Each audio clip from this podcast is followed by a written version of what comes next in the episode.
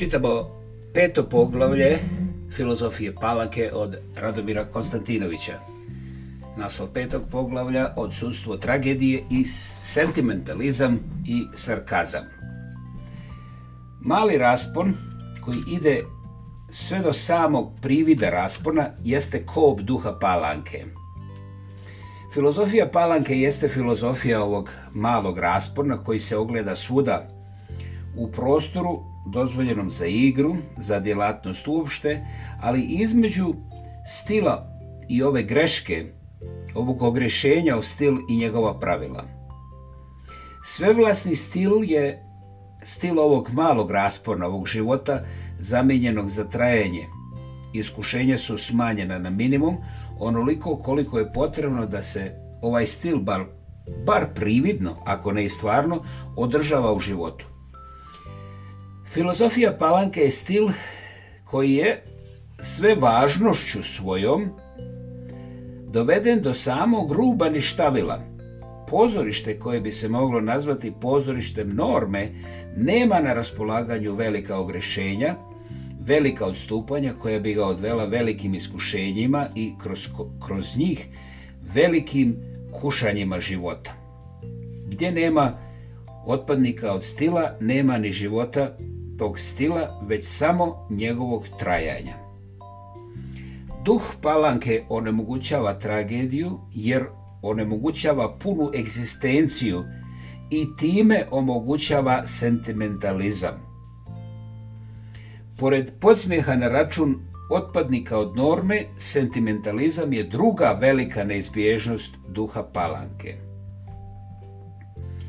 Sarkastičan ovaj duh neizbježno mora da bude i sentimentalistički i to po istoj nužnosti po kojoj je sarkastičan, odsustvom stvarne egzistencije kojima je uskraćena tiranstvom postavljenih vrijednosti, postavljenog stila, lišen čistog humora i tako upućen satiričko-sarkastičnom smijehu u kome se očajanje meša sa mržnjom, njemu se na nužan i ovome izvanredno saobrazan način uskraćuje i stvarna osjećajnost, a daje prinuda da u sentimentalizmu traži zamjenu za nju. Kao da u ovom pravcu može da govori o, skar, sarkastičnom sentimentalcu i sentimentalističkom sarkastičaru. Duh palanke je protivan duhu tragedije samim tim jer je protivan stvarnom otpadništvu, stvarno djelatnom odrodu bez koga nema tragedije. Svaka tragedija leži na jednom ovakvom otpadniku od zakona, na jednoj ovakvoj pukotini u zakonu. Spaja sarkaza mržnje sa sentimentalizmom upravo odsustvom subjekta koji do sebe dolazi tragedijom, koji svoju egzistenciju uistinu može da zasnuje samo njome kao tragičnu egzistenciju. Odsustvo tragedije je odsustvo subjekta, i sarkazam duha Palanke i njegov sentimentalizam su govor ovog odsustva, očajnički pokušaj da se ono pretvori u nekakvo prisustvo, da se od lažnog prividnog subjekta pretvori u stvarni subjekt. I govor neprestanog osvjedočavanja u nemogućnost toga. Stilski uopšten, ovaj subjekt je prividan subjekt, a njegova osnovna patnja je od osjećaja ove pripadnosti, od osjećaja koji je osjećaj praznine, na samom rubu ništavila koje tu napreduje u sferi koja ne poznaje doživljaj. Sentimentalizam kao simulacija doživljavanja javlja se ovdje u ovoj odsutnosti subjekta koji, kad jeste, nikad nije sentimentalistički jer je osjećajan. Potreba za što bržim i što lakšim prodiranjem do doživljaja učvršćuje nušnost sentimentalizma koji je po prirodi melodramski, patetičan, teatralan, a zasnovan uvijek na čitavoj mitologiji osjećajnog svijeta, sjetljivosti i samog doživljaja. Uznošenje doživljaja ide do obogovljenja. Život je doživljavanje, umjetnost je doživljavanje, stvari vrijede onoliko koliko su sposobne da nas uzbude. Potrebno je pre svega biti uzbuđen, ali na jedan ubjedljivo pokazan način, tako da bi subjekt uzbuđenja mogao da zna da je zaista uzbuđen, da na neki način prisustuje svom uzbuđenju i da samog sebe vidi kao na nekoj velikoj sceni uzbuđenja, neosjećajnost od koje dolazi utisak ne ili tačnije i adekvatnije duhopalanke utisak da se život ne događa daje jedan poseban ukus za teatralnost, za ovo izražavanje iz sebe u pravcu teatralnosti kada će subjekt u svom uzbuđenju samom sebi na ovoj pozornici da se prikazuje kao uzbuđen da bi mogao sebe da vidi, da se ubijedi da se sve to zaista dešava sa njim. On je beskrajno nepovjerljiv prema darovima života kojima, koji ga obmanjuje obećanjima koja ne ispunjava, ali on je nepovjerljiv i prema samom sebi kao oruđu tog života. Njemu treba velika riječ i veliki pokret, treba mu život kao u operi da, da bi mogao da se osvjedoči, da se zaista našao u životu. U maksimalno mogućoj van subjektivnosti tog stilizovanog uopštenog života, on je izvan dolične doživljajne sposobnosti, ali on je na zahtjev te sposobnosti osuđen samim imperativom egzistencije koji tu svejedno još uvijek traje. Odbijajući tragediju, on ipak ne može da je odbije onako kako ne može da odbije osjećajnost koja je bitno tragična jer je bitno nerazumna i jer je uvijek izraz čistog dejstva sukoba između mogućeg i nemogućeg, sukoba tim divljeg što je jače nemirenje sa idejom o mogućem. Osjećajnost koja progovara svom snagom upravo u času pune svijesti o nemogućem i o nemirenju sa tom sviješću u potpunoj neusaglašenosti sa njom Najdublja osjećajnost je u najdubljem raskoraku sa svešću. Njena dubina razmjernoj veličini ovog raskoraka nema velike osjećajnosti u velikoj usaglašenosti sa sviješću. On hoće protivrečno samoj njenoj prirodi da pomiri sa svojom naivno realističkom trezvenošću kao filozofskim stavom mirenja. Uostalom, i sam pojam filozofskog stava za njega je istovjetan pojmu smirivanja razumijevanjem. Filozof u njegovoj mašti prihvatljiv je isključivo kao kontemplativnošću od nemira spašen Bog u čovječanskom obliku. On bi da razumno osjeća jer, broj jedan hoće razum jer neće tragičnost i dva, mora da osjeća po moranju same bitno tragične, bitno osjećajne egzistencije on bi htio i u tome je jedan od najbesmislenijih, a time upornijih njegovih pokušaja, da prevaziđe rascep antičke grčke tragedije, rascep koji tu tragediju dijeli na junake, učesnike života i horsku svijest koja tumačeći njihovu sudbinu ostaje izvan tragedije. On bi da postigne ono što tragedija nije mogla, da pomiri i hor i junake, doživljaj i pribranost duha njegovog tumačenja – on bi htio nekog apsurdnog horskog junaka. Čita svijet palanke ili tačni duh koji pokušava da se otelotvori tim svijetom, da se tako proizvode stvarnim duhom, da se dakle postvarenjem spase od vječite problematičnosti duha s kojom se trezvenost palanačko-čiftinske filozofije ne može da pomiri, čitav taj duh upravo je u ovom pokušaju ispravke tragedije u pravcu neke tragedije koja bi i bila i ne bi bila tragična u pravcu neke netragične tragedije. Ukoliko je veći njegov zazor od osjećajnosti, zazor kojim zazire njegov trezvenjački duh, utoliko je veći zazor od doživljaja, utoliko je za ovaj duh događaj uzima sve više mjesto doživljaja tim prije što on želi sebe da vidi kako osjeća. Ovo pretvaranje doživljaja u događaj svega duboko unutrašnjeg egzistencijalnog u slikovno predstavljeničku stranu stvari jeste jamstvo teatralnosti, bitno sentimentalističke, ali je u suštini jedinstven način objektivacije doživljaja, njegovog postvarivanja koje nije u osnovi drugo nego njegovo uništavanje. Preobražavanje doživljaja u događaj jeste preobražavanje iracionalnosti u racionalne forme. To je jedinstveni, nedvosmisleni način racionalizovanja, ali način na koji prije svega treba da se prevari tragičnost egzistencije i ukoliko je egzistencija zaista tragična, jer, jer je jer nadrazumska pa i protivrazumska u svojoj totalnosti da se također prevari i sama egzistencija.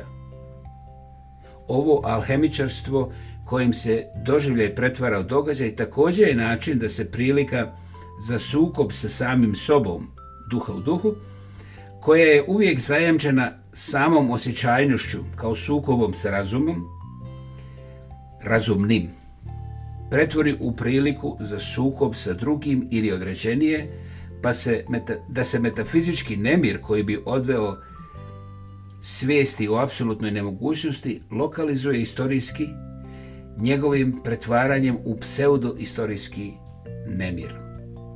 Pseudoistorijski zbog toga što istorijski nemir lišen opšteg egzistencijalnog nemira jeste moguć samo kao takav. On je privid istorije i istorijske svijesti, a ne sama istorija i ne sama ta svijest. Možda i silna radoznalo za tuđi život, ona koja bi vernije iskustvenoj viziji duha palanke mogla da se nazove preko plotovskim pogledom, pogledom koji uvijek ide preko tuđeg plota, dolazi djelomično i od ove potrebe za izbjegavanjem sukoba sa samim sobom.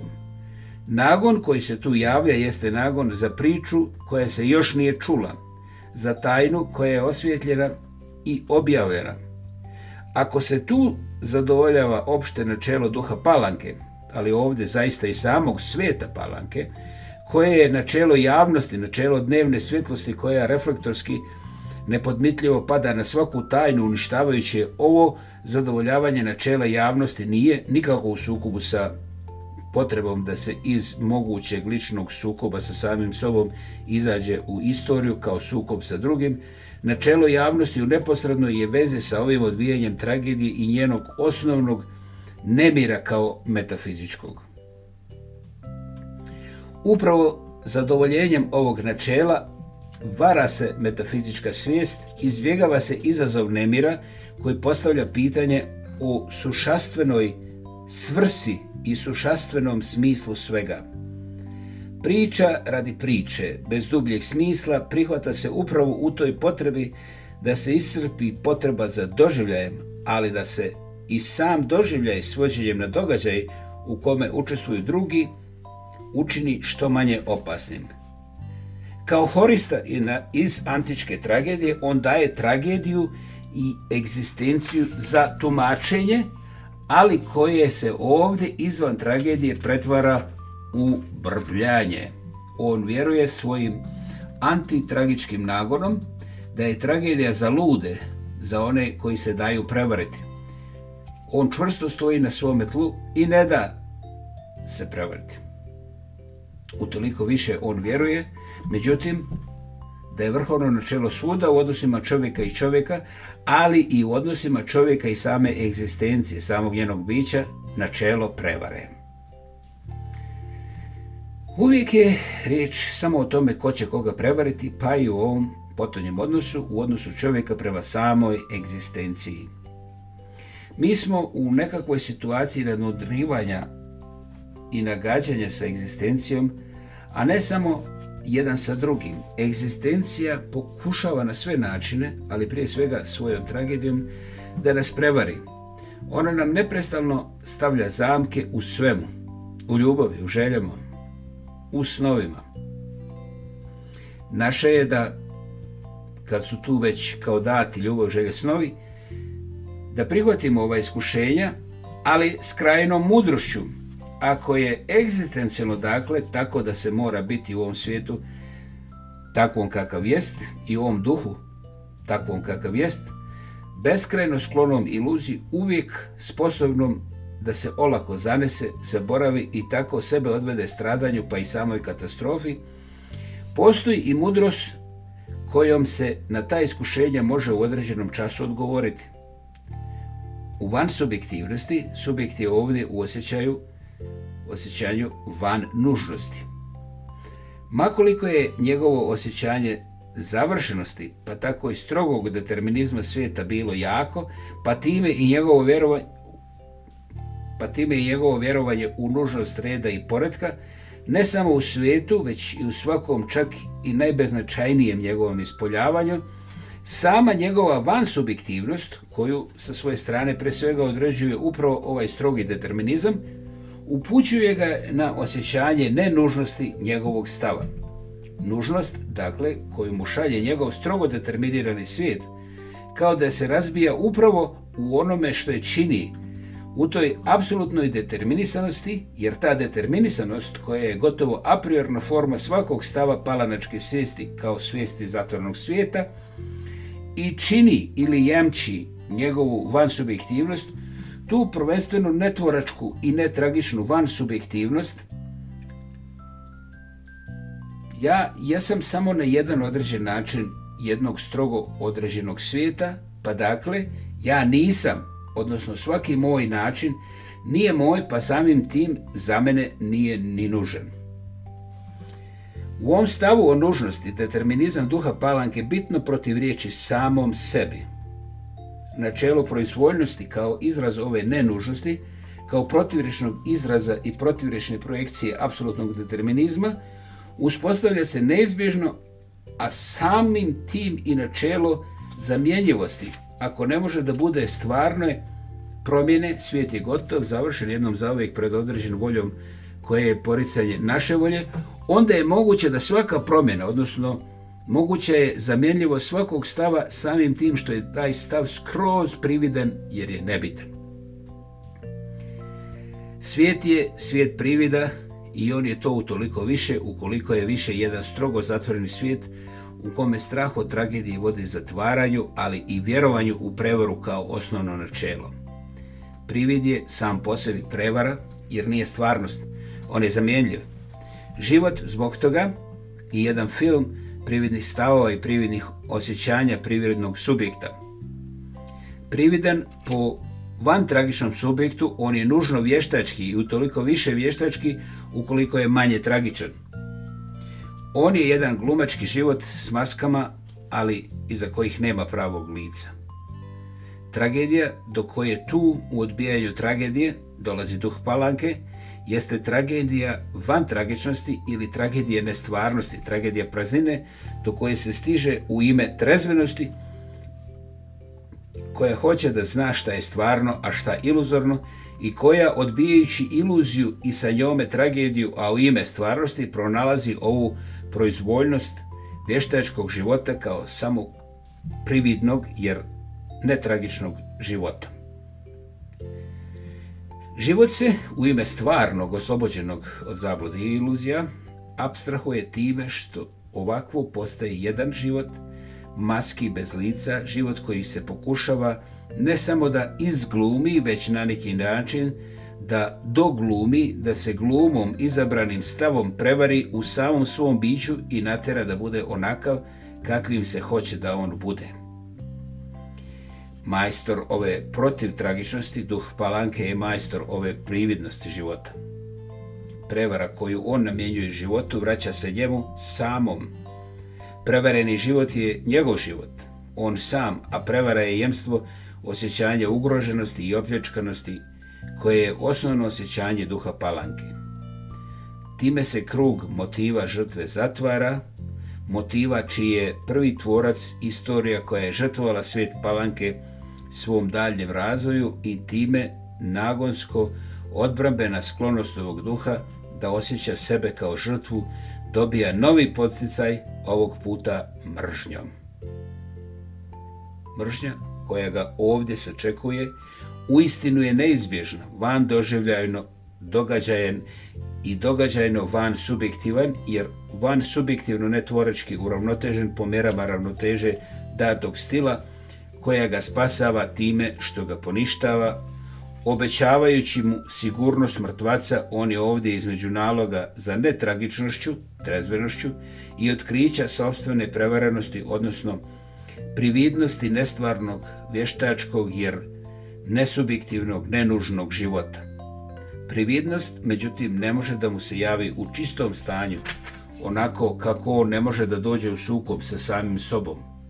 Odbijanjem ovog sukoba koji je na svoj način njegovo prizivanje, jer je prizivanje prividnosti egzistencije odbijanjem njene tragičnosti, ovdje je upravo odbijanje same prividnosti, odnosno pune svijesti o njoj, svijesti koja bi značila posvećivanje ovog duha palanke u sebe samog i time vraćanje tragediji. Mržnja s kojim se ispunjava ovdje duh palanke kao duh prividne egzistencije, odvraća se od ovog duha njenom eksteritorizacijom.